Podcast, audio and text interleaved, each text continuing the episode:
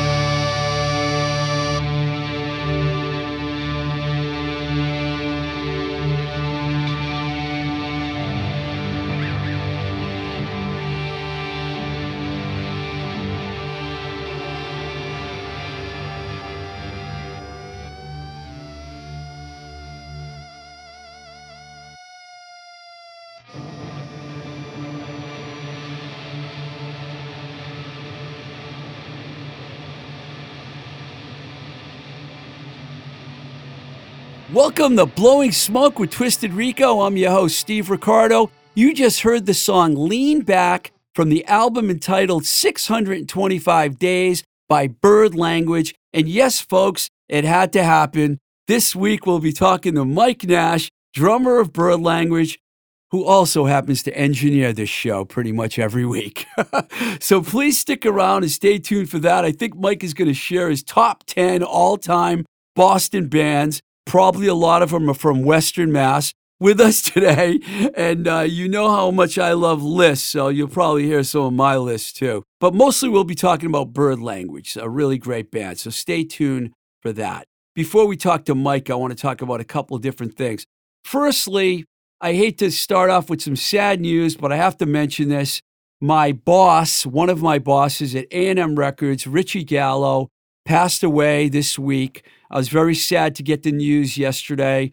Richie was a great ally of mine at A&M Records. He actually created my position after I'd been working there for a few years and I was being shared by the marketing department and the A&R department. Richie created a position for me, told me I was he didn't ask me, told me I was moving to New York, which I did.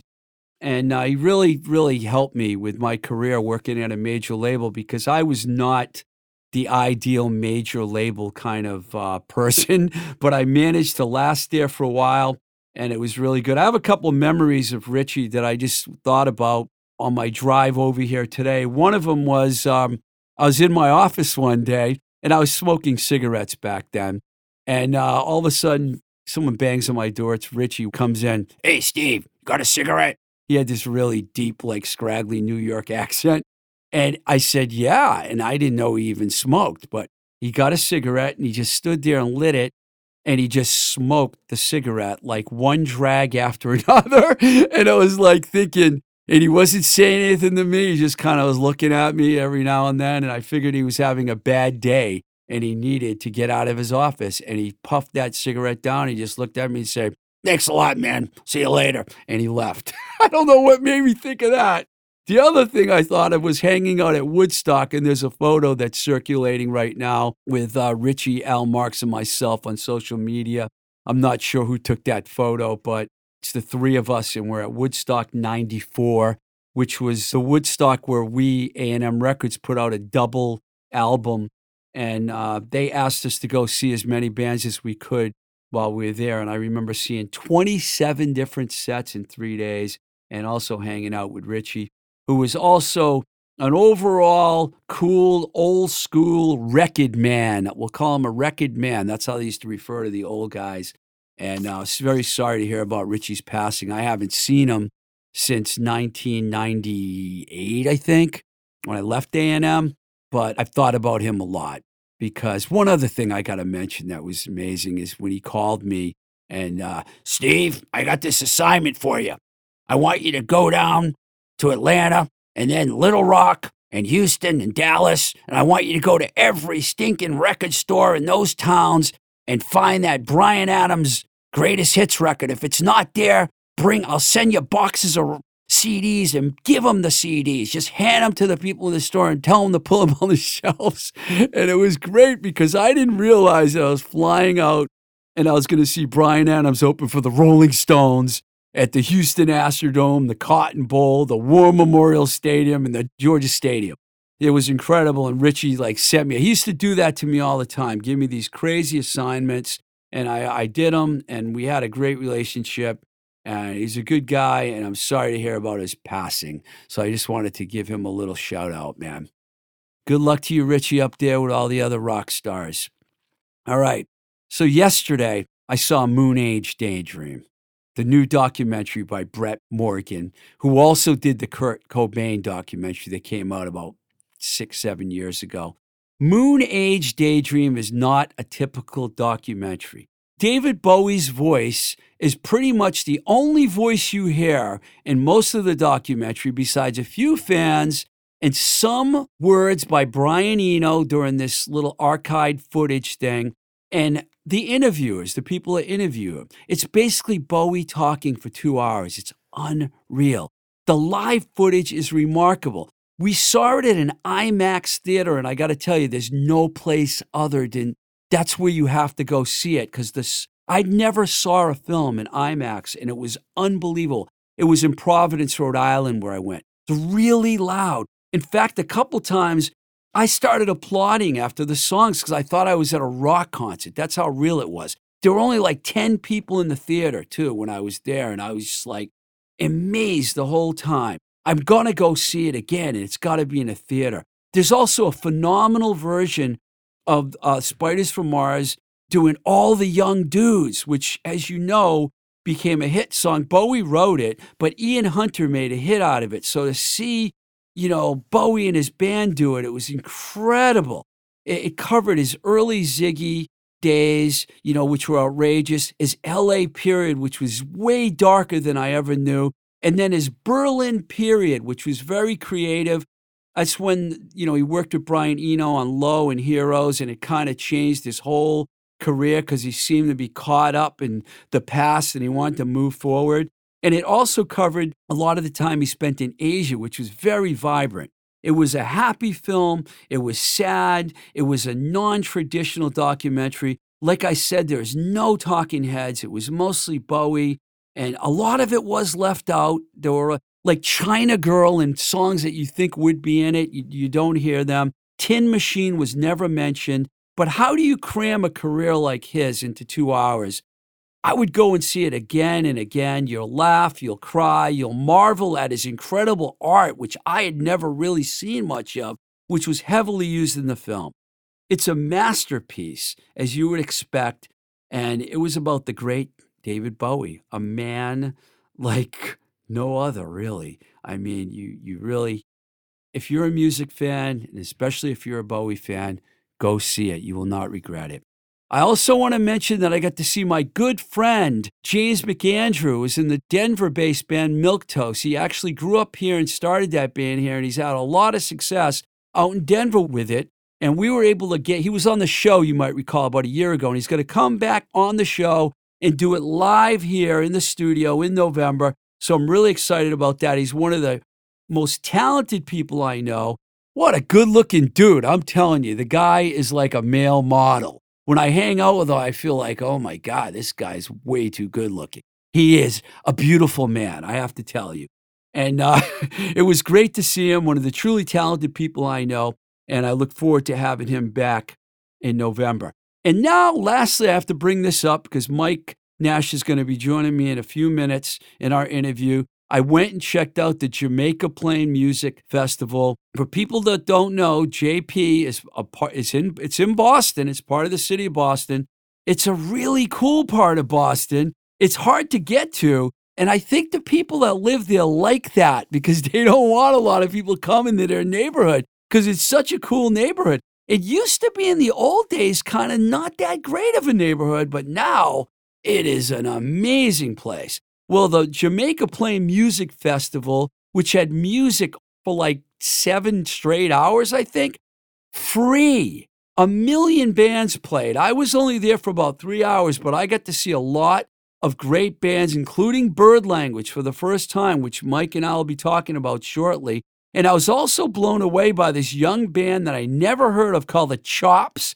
And the bands could only stay on stage for 20 minutes. It was really funny because one person after another came out to the front of the stage and tried to get their attention to get them to stop. Even Rick Berlin, who's the main dude that put the whole thing together, they finally did stop. But while they played, they were great. They were a total punkified blues band with a great look and a great sound. I actually approached the guitar player, Seth Gomez, really cool cat afterwards told him I was excited about the band and told him about my podcast. And who knows, maybe we'll have him here someday.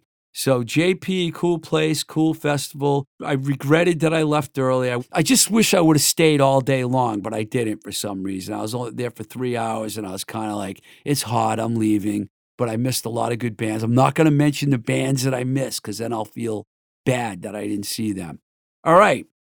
So, Let's talk to the man who not only engineers and edits this show just about every week, and he's also an outstanding drummer in several bands. And we're mostly going to talk about bird language, and this is going to be it myself and Mike Nash. So it finally has happened. Mike Nash I'm here. is my guest, and he's engineered about the last 50 shows.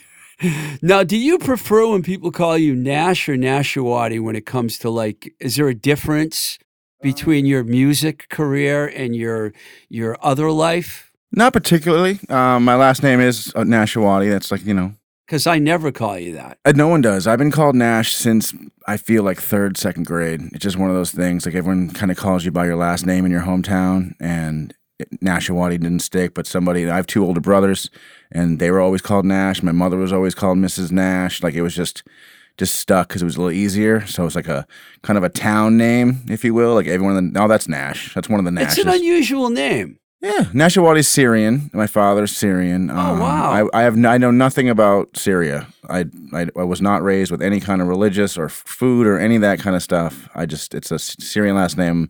My mother's 100% Irish, so I was raised that way. I was raised Catholic, Roman Catholic, Irish, you know, Irish Catholic. Was that in this area? I grew up in Walpole, Massachusetts. Walpole. That's where I went to school. At least I went to all my schooling was in Walpole, and like my mother had this house that she got from her mother when she passed. So every weekend and like family vacation or school vacation and summer vacation, I was down in the Cape in Dennis. So I never really like build too many Walpole friends. I have some front Walpole friends, but like I never got to hang out with them because every Friday after school we drove directly to the Cape, and I never got to. For Yeah. people that aren't from around here, that would be probably about like 20 minutes south of Boston. 30, 40, depending on the traffic. No, if you want to be realistic, yeah, just, you know, right down. and isn't the former Boston Bruin player and coach Mike Milbury from Yes. Wal? Yeah. the, famous for hitting a guy over the head with his shoe, man, which Oh, yeah, if that's you're right. a hockey fan, you'd remember that. He went in the stands at uh, Madison Square Garden and took a guy's shoe off and hit him over the head with it. Put Walpole. That's a very. Walpole thing to do, yeah. So, um, uh, before I talk to you more about growing up and stuff, I just want to say that I saw you guys at the Jamaica Plain Music Fest. And frankly, you know, I always thought you guys were good and it was a good re- record. But frankly, I thought you guys were great that day. And you blew me away because it was a lot heavier than I expected. And, um, the guitars especially those two guys work really well together the rhythm section solid really good singer you know sits up front on the keyboards it's kind of a and I, the setup's a little different than most bands that I I've seen. I haven't seen a lot of bands with that kind of a setup, but um, did you know that you guys were a lot heavier live, or did or We're is that- definitely louder, heavier. We're not like metal heavy or hard rock heavy, but there's an element of like, as you said, the two guitar players are, they both have played in metal bands and stuff before. But I feel like this, the project itself, the idea of bird language originally was about air and space and, you know, not necessarily being pretty, but, you know, utilizing, instead of me doing like a two measure drum fill, I'm just going to do a very light drum fill and let the air kind of drift the song along. And so when you hear the record, it's called 625 Days, it, you hear that, it sounds, it's very thick and there's a lot of guitar layers going on because those two are just, they love it. And they're mainly the two songwriters, like the actual, no, they don't, Chip, the singer, definitely writes all the lyrics, but, you know, the songs start with probably the guitar. And, you know, Neil comes from like kind of like the indie rock Dinosaur Jr. volume thing. I know everyone doesn't know, but Dinosaur Jr. is probably one of the loudest bands of all time. Yeah, they're loud. Yeah. And so he comes from that. He comes from the Johnny Marr kind of thing, you know. And then Andrew, he comes from all over the place. I mean, when I first met Andrew, he was in a band called Codetta, and they were kind of almost pavementy meets Weezer meets kind of like a heavier version of that. And you know, they all they both went. Neil was in We Were Wired. There, excuse me, there were Wires, and they were a heavy band. And then um, Neil was in a band with Crockett, who's down the hall a little bit, called A Living Sea. And just these bands were just all kind of different from each other. And this band was all about just kind of melding it together. But live, we are definitely loud. And those guys use retro tube amps and go for that old school kind of. They they're both rock and rollers, you know, you know, from the heart. So Ironically, when I talked to Andrew at the festival the other day, he's like, we were talking about Codetta. He goes, You remember me from Codetta, right? And I didn't at first. And I'm like, Oh shit, you were in Mellow Bravo too. Yes. You're in Mellow Bravo, but you were, because I knew Motherboard. Skinny, Skinny B, the bass player, was in Flexi, a band I used to manage. Oh, right on. So eh, we're all connected somehow. Yeah. You know, because, you know, the Charms do my theme song. Ellie was in Flexi with Skinny B. Skinny B was in Andrew with Andrew Doherty and Codetta. There's like a chain reaction. Um, the record, uh, 365 days. 625. Six, 620 i wrote 365 i don't know why 625 days now i think you told me it really did take 625 It did. The days. pandemic got involved. So um, the fifth member of the band, excuse me, the sixth member of the band was definitely the pandemic. We started recording here at New Alliance with Ethan Dussault, and it was we were super energetic and pumped up to do it. And that weekend we were tracking is when they announced like we're, we might be shutting down and we're going to flatten the curve and all that stuff. So it was March, mid March of 20. march 8th or 9th Yeah. i remember that week very And I was pumped because you know I'm the drummer, so when you go in the studio, as most people know, you do the drums first to try to set the tempo of the main record, and you want. So luckily, um, we got to do the drum tracks, and then it was like we have to get out of here. So the next 623 days, if you will, we started. We retracked the bass. Re, we just kind of got rid of all the basics and kind of it went from it was starting to be a live record, like you know we wanted that live feel, and then we were like we can't do that so it went to more of a studio setting. You know, let's do everybody separate because every every member individually had to go in alone because of COVID protocol. So when Andrew from Mellow Bravo Motherboard had to go in, he was alone. It was just Ethan in his, you know, in the booth, and and Andy was in the live room, and everybody did that. I was the only one that kind of got the real full band Wow. vibe, which was great for me. It's great for a drummer to kind of have that feel, but for those guys to remember like how I was feeling that day, or like you know, I might you know, things change as you know. I'm sure everybody every band knows this. Like the more you play a song, it becomes muscle memory, and then things kind of slowly change. Oh, a drummer might change a fill here, do something here, and change it. They had to deal with my drum tracks, and I, I'm proud of them. I think the record sounds great. But it, you know, Ethan did a great job mixing and, rec- and engineering, and you know, I was going to ask you about Ethan Dussault and how you guys came up with the plan to have him do the record. Uh, he's known for uh, going to the red. You know what I mean? Kind of pushing the guitars, especially. he loves guitars. And uh, he's a great guitar player, and he's a great, you know, he's got that mindset. And he knew Andrew from before. I think he worked on some Mellow Bravo stuff, possibly. And you know, I don't know that full history, but uh, he, we just know him as this guy. New Alliance, I think, is known for the guitar studio. Yeah. You know, and so a lot of people might just track guitars there or whatever. But we wanted to do the whole record. We liked Ethan's vibe. You know, he's got a, a hard rock vibe. He's got an indie rock vibe. You know, he likes bands like Jesus Lizard and those kind of noise rocky kind of things. So th- having that, we knew he was just going to push our our stuff to a little a different you know level.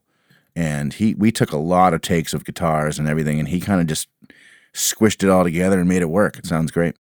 Yeah, he did a fantastic job. Did he, uh, as far as the mixing and everything goes, with, was the band involved in that aspect Slightly, of it? I try to get there as much as possible. Um, it was just kind of he would do here's a first take here's he sat there the first day and kind of just this is what i think and kind of went through one of our songs and sent it to us and we we got together as a band and we're like this is what we like and don't like about it and you know it's it's not the perfect way to do it obviously you'd want the band to be in there but at the same time when you're mixing in the room like he's got great monitor speakers he's got you know, it sounds really good in his studio. And then you have to go listen to it in your car. You have to listen to it through like a kind of a crappy stereo to kind of see if it's all the same level everywhere. And, you know, once we started kind of, you know, Andrew and I were taking, you know, Andrew works from home and I was working from home at the time. And we kind of got to go hang out there and mix with him. It was a lot better process, a little bit sped it up. And uh, I think Ethan kind of got a better vibe of what we were going for. Now, uh, the songs on the record, uh, were, did you guys have a, a, a bunch of songs or did you just have these nine tr- songs? And we chose those nine. We're definitely going to be on there. The original idea, again, before the pandemic changed everything completely. The original plan was let's get these nine, and then we had others. And if we can, if we have time, we can just track them, and then we can either scrap them for another project later or whatever, just to have the, t- the you know the rhythm tracks, the drums and bass or whatever. And you know, once it was like this pan, you know, pandemic was news was coming out. No one would, there was no information. It was like, don't touch door handles, don't do this, Yeah. don't do this. So everyone was kind of confused. So we immediately were like, we got the nine. Let's let's just work on these nine. Now, your plan that you came up with, uh, we'll talk about the cassette for a second, was to release singles, and I think you did three Mm-hmm. We singles. did three singles. Yep. So, who, wh- how did that? What was the thought process behind singles? I know we've the world's changed Yeah. now as far as singles go. Did you just figure that was the safest way to do it to get the music out there a little at a time, or maybe safe's not the right word, but strategic wise? It was definitely strategic. We, you know, we come from, you know, we might be one of the last generations. You know, we're all in our early 40s, so like we still appreciate the album concept. You know, we grew up with it.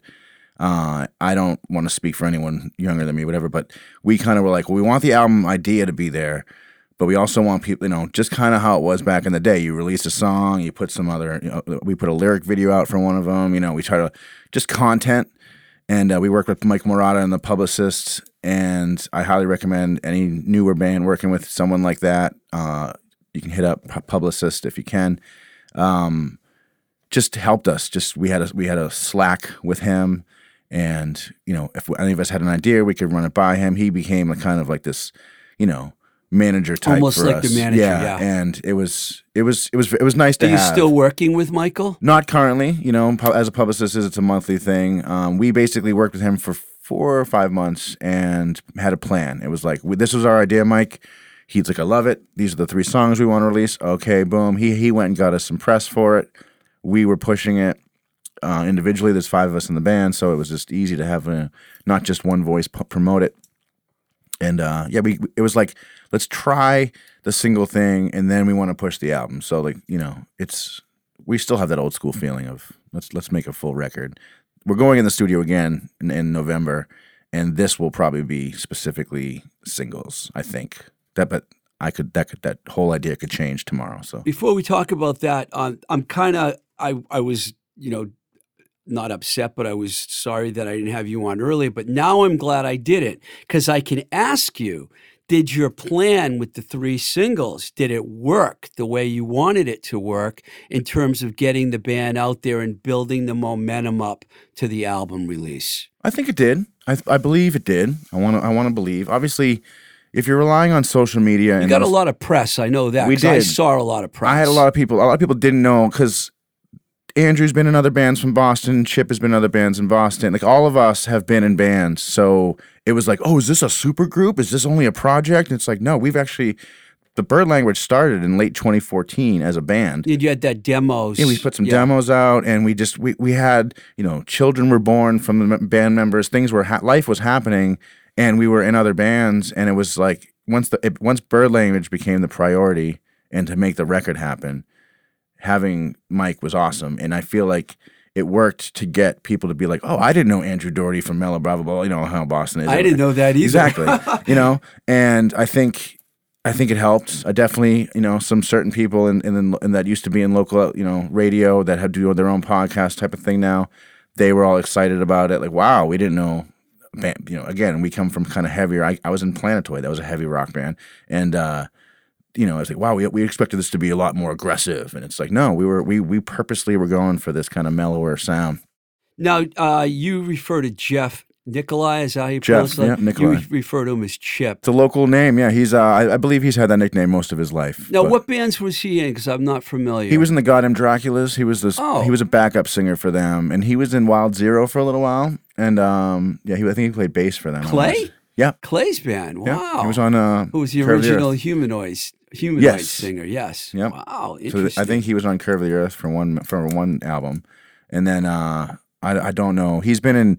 Chip is uh is a great singer, and I've I've just know I've known him for years, and he's just a delightful person to be around. And you know he knows show tunes. He knows he, he's like he knows very like, mellow. Very chill dude and you know he can sing like the best of them but i feel like bird language is his first fronting you know his first Right. you know state being being the, the main dude if you will and he's definitely progressed as a songwriter as a lyricist i mean and you know he's stepped it up you know, his piano playing has gone from, you know, he was a great piano player when we started because er, Bird Language originally didn't have him on piano. We wanted that front man, and he's like, I want to play keys. I've been, I've been. I like the setup having the p- the keyboard Yeah. set up in the center stage, you Yeah. know, front of the stage. So a lot of bands put the keyboards on the side. You know, Queen would be the most famous of that. But you know, the way you guys had it set up, I thought it worked. It was a good visual. The band's good visually to watch. Your bass player is very good too. And um, sorry, I can't recall his name. Pat Piasecki. No, that's fine. His name is Pat Piasecki. He's a he's a fantastic gentleman. He's a photographer. He's a great bass player. We had a previous bass player who just didn't kind of work out, and then when we got Pat, it totally solidified who we were.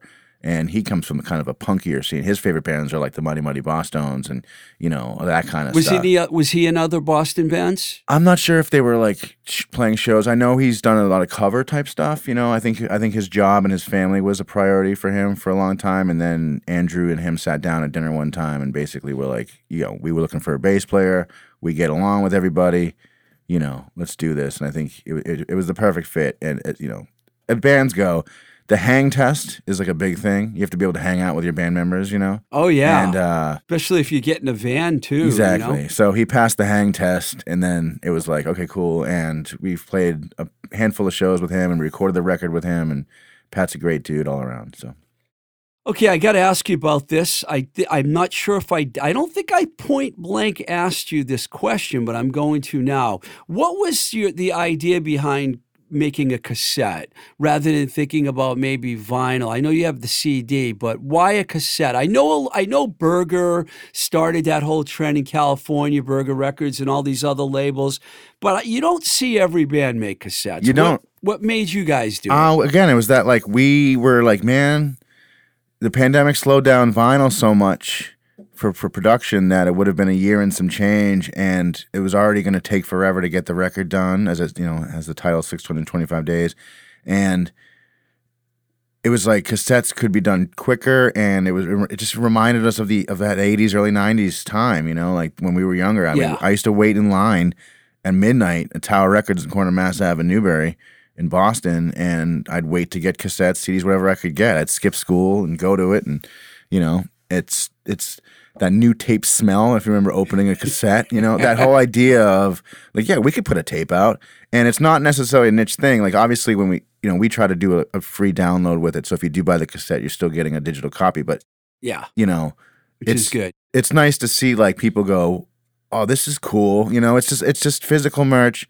If we get vinyl pressed at all for it, you know, it's going to be a, a re-release later. It's that's not set in stone in any way.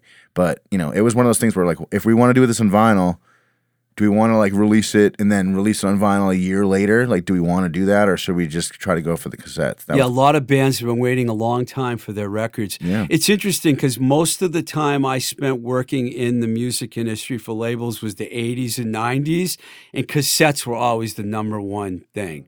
They outsold, you know, I'm talking until CDs really Yeah. came about, but in the early That's 80s, how I grew up. and, you know, until CDs came, cassettes sold more than vinyl back then. if I know you signed Poison and all that, if you knew the hair metal cassette collection that I had from 1989, it was quite impressive. Like I literally, I would, I would, eh, I would mow people's lawns to go buy tapes. You know what I mean? And I, I still have a bunch of cassettes. I do too. But I, that was like that. That was the the impetus to do it. It was we we grew up with them. They're fun. They're kind of making a comeback, as you said, and you know, let's see what happens. So we we didn't get a lot made. You know, we had a little. We only had a hundred made, and we've sold quite a bit of them. So Yeah, I was to say they're probably gone. Um, one more bit, one more question about um, bird language before I ask you about some other things. Um, is there any plans to try and take this band out on the road, or do you think that's going to be? Some bands, it's difficult to go on the road because they have. A, it's a different world right now. I know that. I know Yeah. people have to work. You can't just quit everything and go to California like I did when I was a kid and, and be in the music business. Now it's like everything costs a fortune. you need money in the first. are you guys going to be able to do it? Have you thought about New York, or you've thought I about? definitely. That's something I strive for personally. I don't want to speak for everybody. I know you do with your other bands, Yeah. which we're going to talk about. But I do that as much as I can. I love to play out. I love playing live. It's just this it's as a drummer, that's where the energy is. Watching the crowd makes me play harder, you know, get into it more.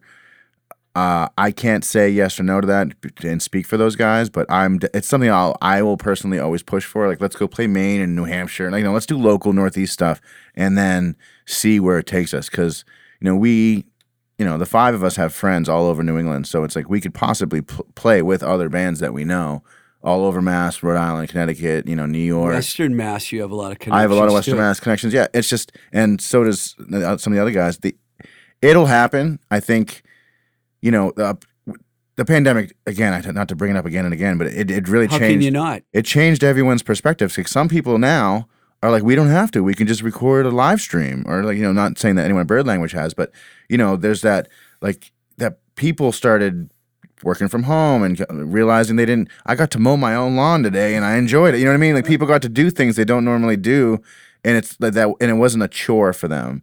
And I think uh, this is just for me hearing it from certain friends that like th- thinking about touring is like chaotic to them. It's almost anxiety driven to them because it's like, wait, like ah, like I just I got to stay in my house for 2 years. Now I have to get in a small van and drive around on a Monday, play in Chicago to like 10 people, and then the next night play like, so, you know, so I hope it happens, but I don't see it necessarily happening right away.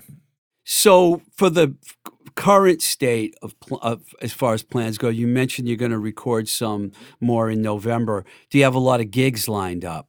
No live gigs yet. We're kind of we we're doing a we we strive outdoors. We did the JP Fest. We've done a lot of porch fests, and it seems like you know the volume of our band. Didn't you play O'Brien's too? We've played at Brian's Yeah. a bu- couple times. We've played the Rockwell, yeah, we've which is in Davis Square, Somerville. We've played a bunch of places around Boston. We played Faces Brewery in Malden recently. So if you're in a newer band and you you want to play someplace, I re- highly recommend Faces in Malden. It's actually a really cool place. Malden. Um, I know, right? It's kind of growing. And well, Boston's become so expensive, and the venues have been kind of closing down here and there. So whenever a new one pops up, people get really excited. So Faces is kind of a newer one that people are getting into. I haven't seen that. I haven't checked that room out yet. I have to check it out. Is it a big room? It's a decent sized room. You know, we got these. It's like it's cool looking. You know, there's they could use a little more sound. You know, me being a sound nerd, if you will, but they're um they could use a little more baffling, a little more sound protection in the inside, just so it doesn't sound so boomy. Because there's like giant tanks of beer in there because they're a brewery, and it's just cool. It looks cool. They got a cool vibe. Um, they definitely try to be, you know, professional and great. Uh, Ryan, who used to book O'Brien's forever, now books there only. And I, I believe like some of his family members work there with him, and it's just it's nice. It's a good, it's a good spot. And what about radio? Have you gotten a good response from radio? Radio. Yeah. yeah I feel so. I mean, I, Boston. This is not a dig, but this is how Boston works now. Boston plays your song if you're only playing a show that week. You know what I mean? No one tries. this is no insult to anyone. So if you're listening and you do it, thank you for playing people's music. But like Did college radio embrace you guys? a little bit. You know, obviously, we got 88.1 and MBR and you know a couple other stations, uh, CBC and all that stuff. Got to play us a couple times. But again, it's like there's so much music coming out. I understand why people do this, but if you're only playing bands that are playing that next week, you're only Yeah. and, and you're like you know that like they'll tag the bands. This week we played blah blah blah blah. You know, You're talking about local music Yeah. shows, yeah. and it's you know be tran you know there really isn't any regular. Exactly. You know, you gotta obviously- get on satellite radio. now. exactly or or someone's podcast which again thank thankfully people are still putting people's music out there and they and i love those people that do it you know and i just feel like i i went to school for radio so i have this whole idea of like mixing local with national and just kind of treating a local band like they're all like Yeah. they're not a local band because I think some people have that they kind of look down on it like you know the, the I'm talking about the the non-musician just concert goer. Look oh the local opener I'll skip them you know what I mean? They're not you know so if we can just kind of eliminate that vocabulary like they're we have an opener you know? Who cares if you, you would think that people would support a Boston band but it's just it, there's that for some reason the word local opener makes people think oh they're not ready yet. They're not there yet. And I think you know that's what that that that that could change but you know thankfully people are still you know doing their podcasts and doing whatever they can Well, I'm glad you're saying that because one of my plans all along, and I've stuck to it, is to have a couple songs on every show. Yeah. And I try and do that every week, and a lot of people like that. yeah you pick, you, you pick good songs They you know? just don't want to hear people talk straight. the same guy talk for an hour straight. All right, I got to ask you some other kinds of questions here. I had Chuck Ferrera on my show not too long ago, not a local drummer. Great the drummer. reason why I'm bringing him up is because I asked him about bands sharing drummers, and I wanted to ask you about that because in the old days, that used to be a big no-no. Not Yeah. just drummers, but nobody wanted. You can't have my bass player in your band, and now it seems like it's it's accepted. Why do you think that's so accepted now? Because you're in three bands, right? Which I'm going to let you plug your other bands in a minute. But Sure. why do you think we reached the point where nobody whines or complains about that? I think people are just happy still playing. I think the rules have changed. I think first off, if you set rules, you're not rock and roll. Straight up. You're who cares? If you're gonna tell me I can't do something, I'm gonna go do it. That's the rock and roll side of me, you know? Um so anyone that has ever told their drummer that they can't go play another music is those people are just control freaks and they need to calm down, in my opinion. Uh the, I guess I was a control freak when I was. I get it though. Like if you're signed and you're doing these things and you have progress to your band, that's one thing. But a lot of bands has changed. You know, you know, we're not young kids anymore that are willing to just tour forever. So a lot of people will be in local bands and four or five of them so they can just play shows and enjoy their life, have their day job and their families or whatever what it, might be. And Chuck's a great drummer and he's obviously picked to be he's in a in lot. a lot of bands. He's in a lot of bands more becau- than you are. Be- exactly because he's really good and he's mellow and he's chill and he under, you know he shows up he's very professional I, I have a lot of respect for him and you know he's uh, uh, some of his bands have also same members here and there so it's like you know I if if you want to play some music just go to play some music. And I think that having the internet and having you don't have to always go to a professional recording studio. I highly recommend that you do but you don't always have to. You can just put your songs out if you record it at home. And I feel like you know, a drummer in particular, uh, most drummers aren't just that I know at least are raised influence wise by everything. It's not like you're just a metal drummer or you're just an Americana drummer or you're just this or that. I think everyone it's more accepted now, you know, and so I love jazz. Like so every once in a while I get together with these other other guys that are playing rock bands and we we jokingly play jazz. We don't you know, we're not doing covers or anything, but we're going for that idea of like, you know, that free jazz idea. And you know we're never going to tour or play any shows or anything but it's just fun. But i like i like heavy rock i like blues rock i like everything. And you know bird language is none of that. You know i'm in a band called problem of dragons from western mass. They're more stoner rock doom metal you know i'm in this new band called astral bitch which is kind of like l7 meets fuzz kind of thing high energy i can't wait for people to hear this we haven't recorded any of that yet I can't wait to hear it. it's great, and it's you know it's those things. It's like wh- how am I? Why am I going to limit myself? You know, if I was only in bird language, I think I would go insane, and not because I, I bird language does anything for me to make me insane. It's just that I want to You play need to more. do more. Yeah, I want to Yeah. play more, and I feel like a lot. I bet you if any of those bands that you're thinking of, uh, name them or not, those drummers and those members wanted to probably be in more than one band back then. But if again, if you're signed and you have like a business to it, I can understand that mentality. You know, like, hey, we're Yeah. we're not we're more than a band now. We're You more have a contract. yeah, like now we have to stick to this. I get that. I get the idea. Like obviously, if I was in if bird language was killing it, playing tours and doing this and doing that, I probably could only have time for it, you Right. know? That's basically what it comes down to, you know. You know, I wasn't going to ask you this, but I have to now because we're talking about drummers. Who are? Um, I know, I know that Traffic's one of your favorite I bands. love So I'm imagining Jim Capaldi is probably on your list. I always get, I always, sometimes I think Jim Keltner was the drummer of Traffic. I've done that before, but I know it's Capaldi. I got Yep. it right this time. Who are some of your greatest influences as drummers? Like he's got to be one of them. He's up there. Um, for me, Bill Ward, Black Sabbath Oh, is yeah, yeah. You know, he has a swing to everything. So he wasn't necessarily a rock drummer 100%. Same as Bonham. Both of those obviously were. When I was basically, uh, I think it was five or six, I think it was six, I walked into a Bradley's and I bought Black Sabbath, Paranoid, and Led Zeppelin's 4 at the same day. And uh, I How old were you? I was like six years old. I, I have two older brothers that were into music, so I, it, it wasn't like odd for me to like music at a young age. But um, I went home, and you know, obviously Led Zeppelin Four is like one of the top most Yeah. listened to albums of all time. So I got to, I, I- I used to have rulers on a pillow because I never officially took drum lessons, and I would just mimic what John Bonham was doing. So. My as far as influences, Bill Ward, John Bonham, as far as the bluesy kind of rock, classic rock stuff goes. Um, Danny Carey from Tool is very prog, meets hard rock. You know, I I think I honestly think he's better than Neil Peart. That's my thing. Wow. Um, he's obviously super influenced by Neil Peart, but you know, I I tend to I like Tool's music more than I like Rush's music. I Neil is definitely an influence. Tom Sawyer is how many times have I tapped that drum beat on my steering wheel as I've driven by, you know, that type of stuff. Um, Helmet, John Stanier, Faith No More, Mike Bordin.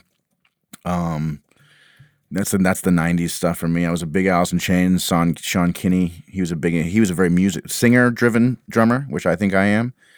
Uh, he follows the singer. Every drum fill follows exactly what the vocals are doing. You know, as far as like a, uh, you know, the song goes. And You mentioned the dude from Tool and um, Neil Peart. Do you like Mike Portnoy and uh, Mike I appreciate those. those I appreciate those guys. Those guys stepped up the game and made people better. But I personally don't like those songs. That they You're not a Dream Theater. I'm not fan. a Dream Theater fan. Pull Me Under was immediately turn the radio off to me.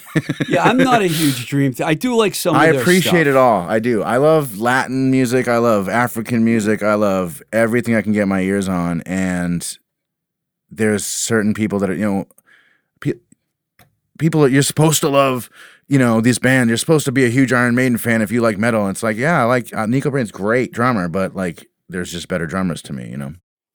Interesting. Yeah, see, I like Keith Moon and Ginger Baker. Those were my two favorite drummers. But I love Bonham. I like all the guy, most of the guys you mentioned. You Keith know, I Moon mean, and those guys were, were like the sloppier versions. They were they were crazy. yeah, he those- was very sloppy. But but tight at the same time. Like no other drummer could have been the drummer of the Who. Nobody. Right. And made it so those songs sound cool. Like I um, maybe John Bonham or someone of that yeah, level. Alvin always talks about our friend Alvin Long always talks about how he can't stand Kenny Jones and the Who, but he's good in small faces. yeah. yeah, sure. Yeah, but that was the thing. It was like certain bands, like obviously um, Ringo Starr is a huge influence on me, m- only because of the songs the Beatles put out. I, you know, sometimes he's not even playing drums on those recorded songs. yeah, McCartney plays a lot. But too. there's those those are the type of drummers that played to the song, and, th- and that was that alone, that statement alone is a huge influence on me. Like I will I will play so much less or even nothing to make the song sound better. Some of those people, like the kind of proggier guys, the drummer doing this extended drum fill, this crazy odd time pattern or or polyrhythm, makes that song, you know, and. You know, I, I come from all over the place, so it's, it's hard. But as far as rock drummers, definitely that, that list I said. As far as your other two projects go, I know you did a lot of shows this summer with them. Do you have anything else, or did you just guys have summer gigs planned and you? Well, Problem Dragons released a record in June. Uh, it's called Accelerationists. Um, it's kind of a concept record for that band, which was interesting to kind of join a band and have to. Where'd you record it?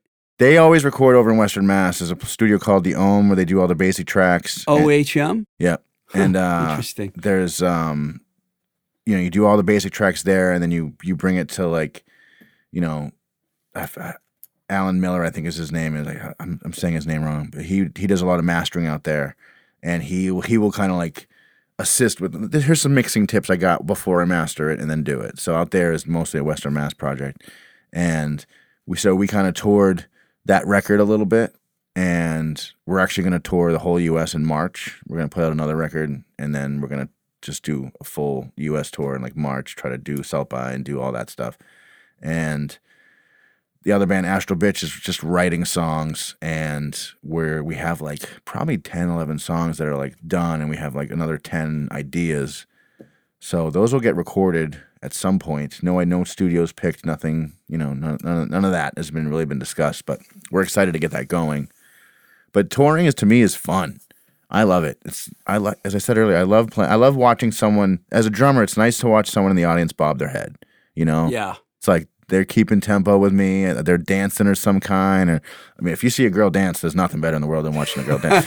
But um, I agree. yeah, but you know, it's that's what I love. I love watching the interaction, and a lot of people don't pay attention to the drummer because everyone falls in love with the guitar player or the singer. You know, but it's it's nice to be the real re- the real reason why someone's kind of into it. You know what I mean? Like you watch someone bob in their head and they're staring at the guitar player. It's like they're not even realize that like I'm the one making you bob your head, man. This dude's just you know moving his fingers around fast or whatever. Well, you know, guitar players always get a lot of the credit, but my old school mind, and from what I learned early on, is that was every great band has to have a great singer and a great drummer. Yeah. Otherwise, you don't really have a great band. So, you know, I I, agree. I agree. I'm with you 100%. Now, you put this idea in my head. Otherwise, I could have brought it up because I love lists. But you told me that you were going to come up with your 10 favorite Boston bands Yeah. of all time. Since we're here in Boston, you don't have to give me an order, but did you actually make a list? I did. I, I started thinking brainstorming. Um, uh, you, you, I've recorded a bunch of your shows, obviously, and you do this, and I always get a kick out of it because I sit in the corner like, "Ooh, I remember that band," and uh, so I'm my list is is all over the place. Some and the thing is, is like Do you s- have a list in front of you over there, a or is little it bit in your head? It's kind of in my head. Um, a lot of these bands.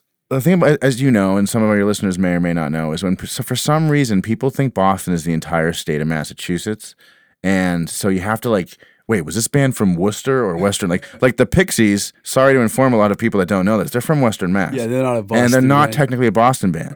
And two hours away is like, you know, if you're from some other state, you're probably like, oh, who cares?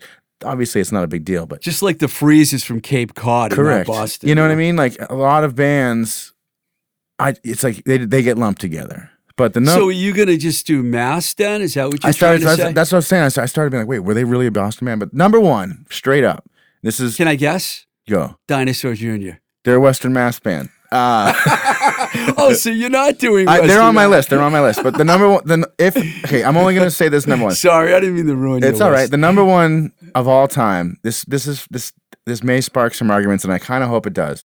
The number one band of all time, the most original band that wrote the the, the, the most uh, unique sound, and I'm very proud that they are from Boston. Is Morphine. There's oh, very good. there's no other band that sounds like Morphine unless they're ripping off Morphine, and it's And there are bands ripping off Correct. Morphine. and they were the first. I mean, having the sax, the two string bass, and the drummers were was such. a I saw that band live so many times. Great they band. they played outdoors, indoors. I saw them so many times. Dana Colley is a beast on the horn. You know, J- Jerome Deupree, all those. You know, the great great drummer.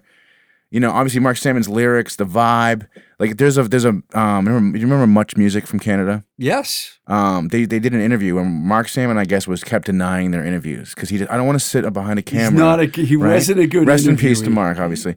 And but they what they did was they rented a high school pool and they they bought a canoe and they shut the lights off except for one light in the canoe and that was the only way he would do an interview. So there's an interview with him where he's in a boat in a, inside in a pool. Is that on YouTube? It's probably on YouTube. gotta find and I remember watching it, being like, "I love this man." Like, not not only did he he he's he's like he's like he's like, "I like how you made this romantic." Like, you know what I mean? Like, he's like, "You you're, you're getting the vibe." All right, other bands. Um, you've had Mike Peel on here. He's a great lo- local drummer, inspiration of mine.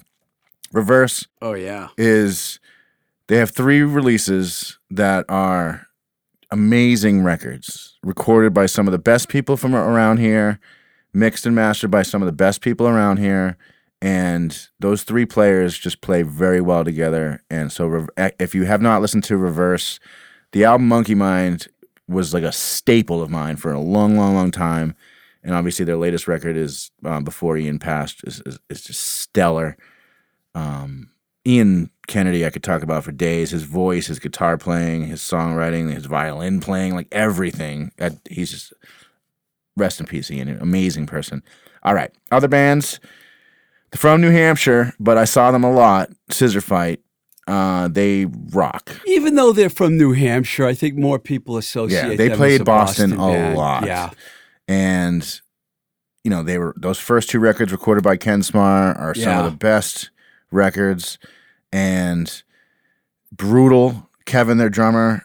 Uh probably one of my biggest local drummer influences. I used to go see them at the Middle East downstairs so many times I would stand perfectly in front of where the bass drum was because Kevin used to hit so hard I could feel the pulse in my heart and I was like this is, I don't care how cool Iron Lung is and how cool these riffs are Yeah, this know? might be a little before your time, but he played with Dave Minehan, Darren Hill, Oh, wow. and Alan Devine in the Star Darts. He was the drummer. I remember the name of Star Star Darts. Darts, yeah. They only have one single, but that was re- really good. And he did it at the Octave Museum with Steve Brodsky after Scissor Fight, and there's a song in Six Eight. I cannot remember the name of it right now. And I think it might even be the first song on that on that album.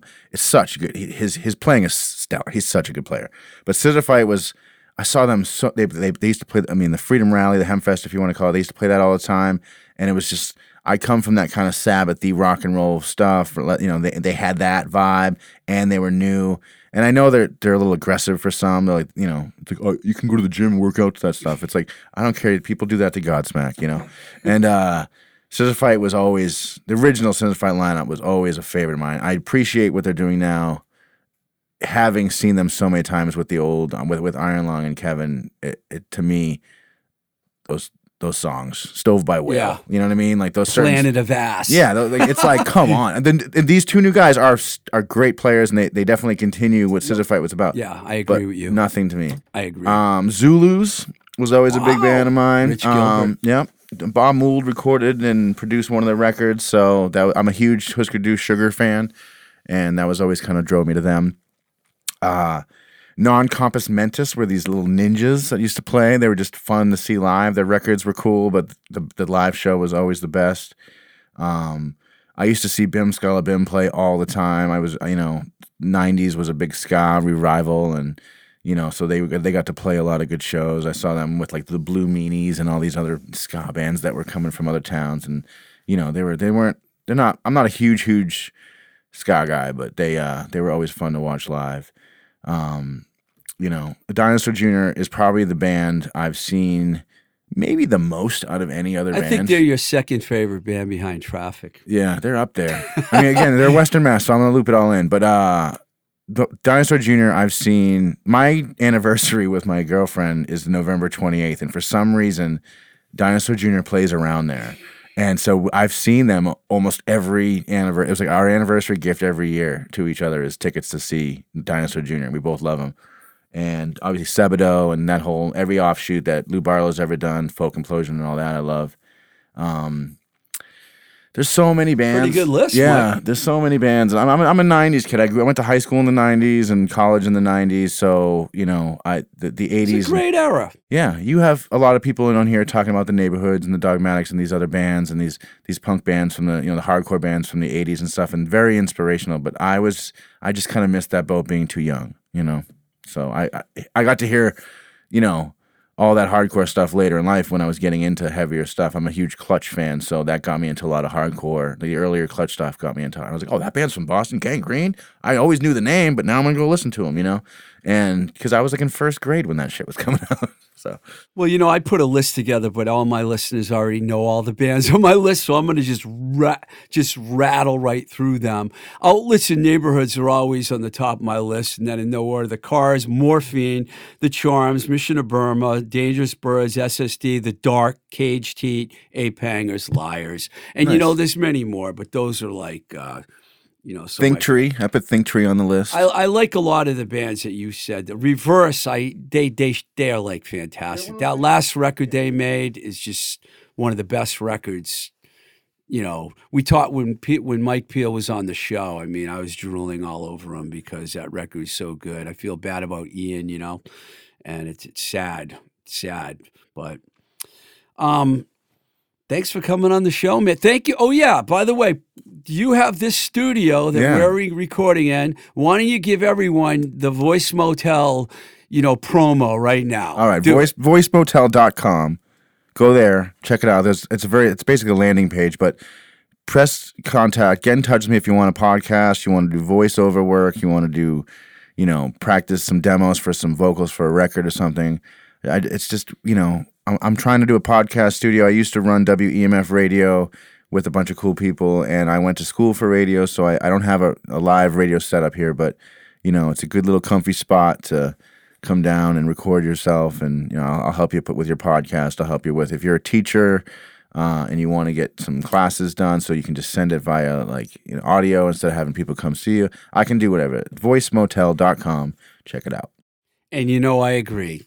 I hope so. because I'm here almost every yeah man i mean i love having you down here you know you bring great guests and uh, you know I, I i see people sharing your stuff and you know it's boston has a lot of music history and uh, just those bands that i listed and the bands you listed are just some of the bands there's so- hundreds Yeah. and like We didn't mention the November group. November Group, all that stuff, you know? Like there's so many good bands. Every decade has a great list of bands from Boston, and we'll throw in the Western Mass and Worcester area bands in there all you want. We're very proud to be from Massachusetts. Buffalo Tom. There's so many Rhode Island. There's so many. Tom, There's yeah. so many good. I could just like the, you know, I was like sitting there trying to make this list, and I'm looking at my CD collection, looking at my tape collection, and I'm like, would I put that in my top ten though? You know what I mean? There's so many good bands. Obviously, like I was in Planetoid. Andrew from you know Bird Language was in Mellow Bravo. They were a solid, solid as hell band. You know, Drottim Draculas were really good. You know, Were Wires were really good. You're Yeah. a great name dropper, man. They're just great. Oh, A great band name. yeah, there's there was so many good bands, and you know that's why I'm still thankful that people play their these mu- this music and get it out there and try. And so, big thank you to obviously everyone that's still doing the you know any kind of radio stuff and all the other bands. Keep doing it. Don't don't think just because the technology's got involved or some new way to promote has you know whatever. Just be yourself and make your music. There's nothing worse than trying to fit in and trying to do something that you're not. Just be yourself. Write your songs. Someone will like it if you put it out there and if you have passion behind it. That's all. Very well said, Mike. And thank you, and good luck editing yourself when you edit this show. All right.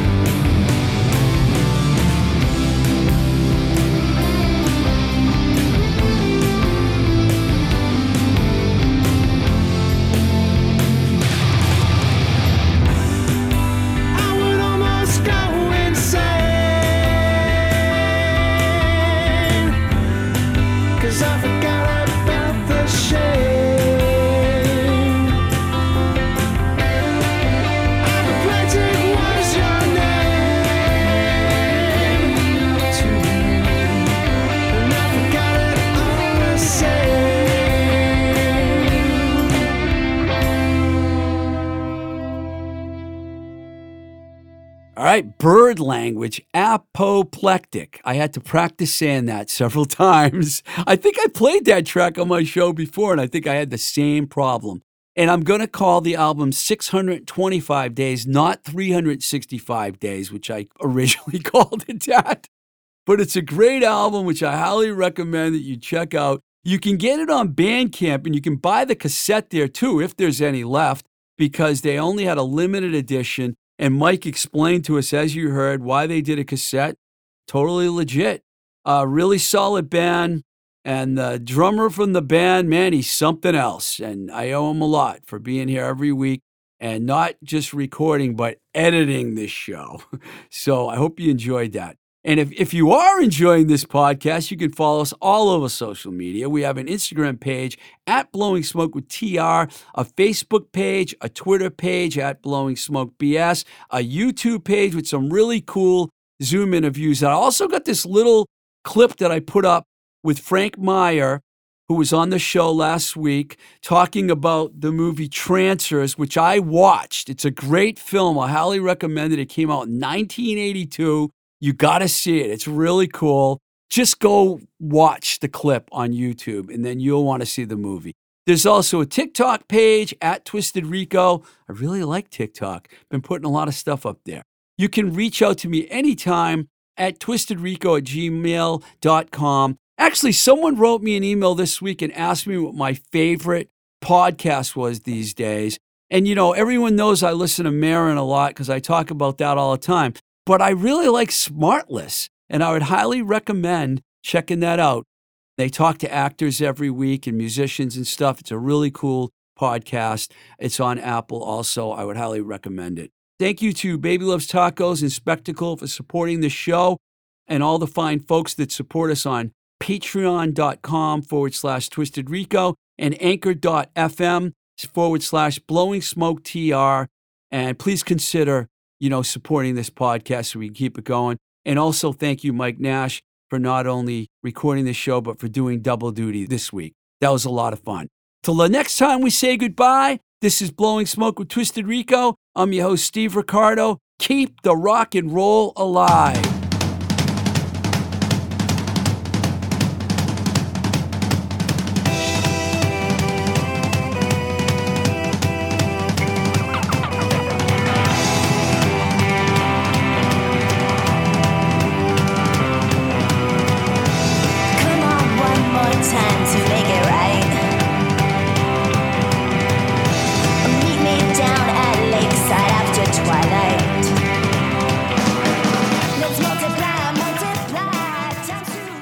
Voice is recorded at Voice Motel, voicemotel.com, your complete podcast recording experience. Located in Union Square, Somerville, Massachusetts. Double duty, Mike Nash.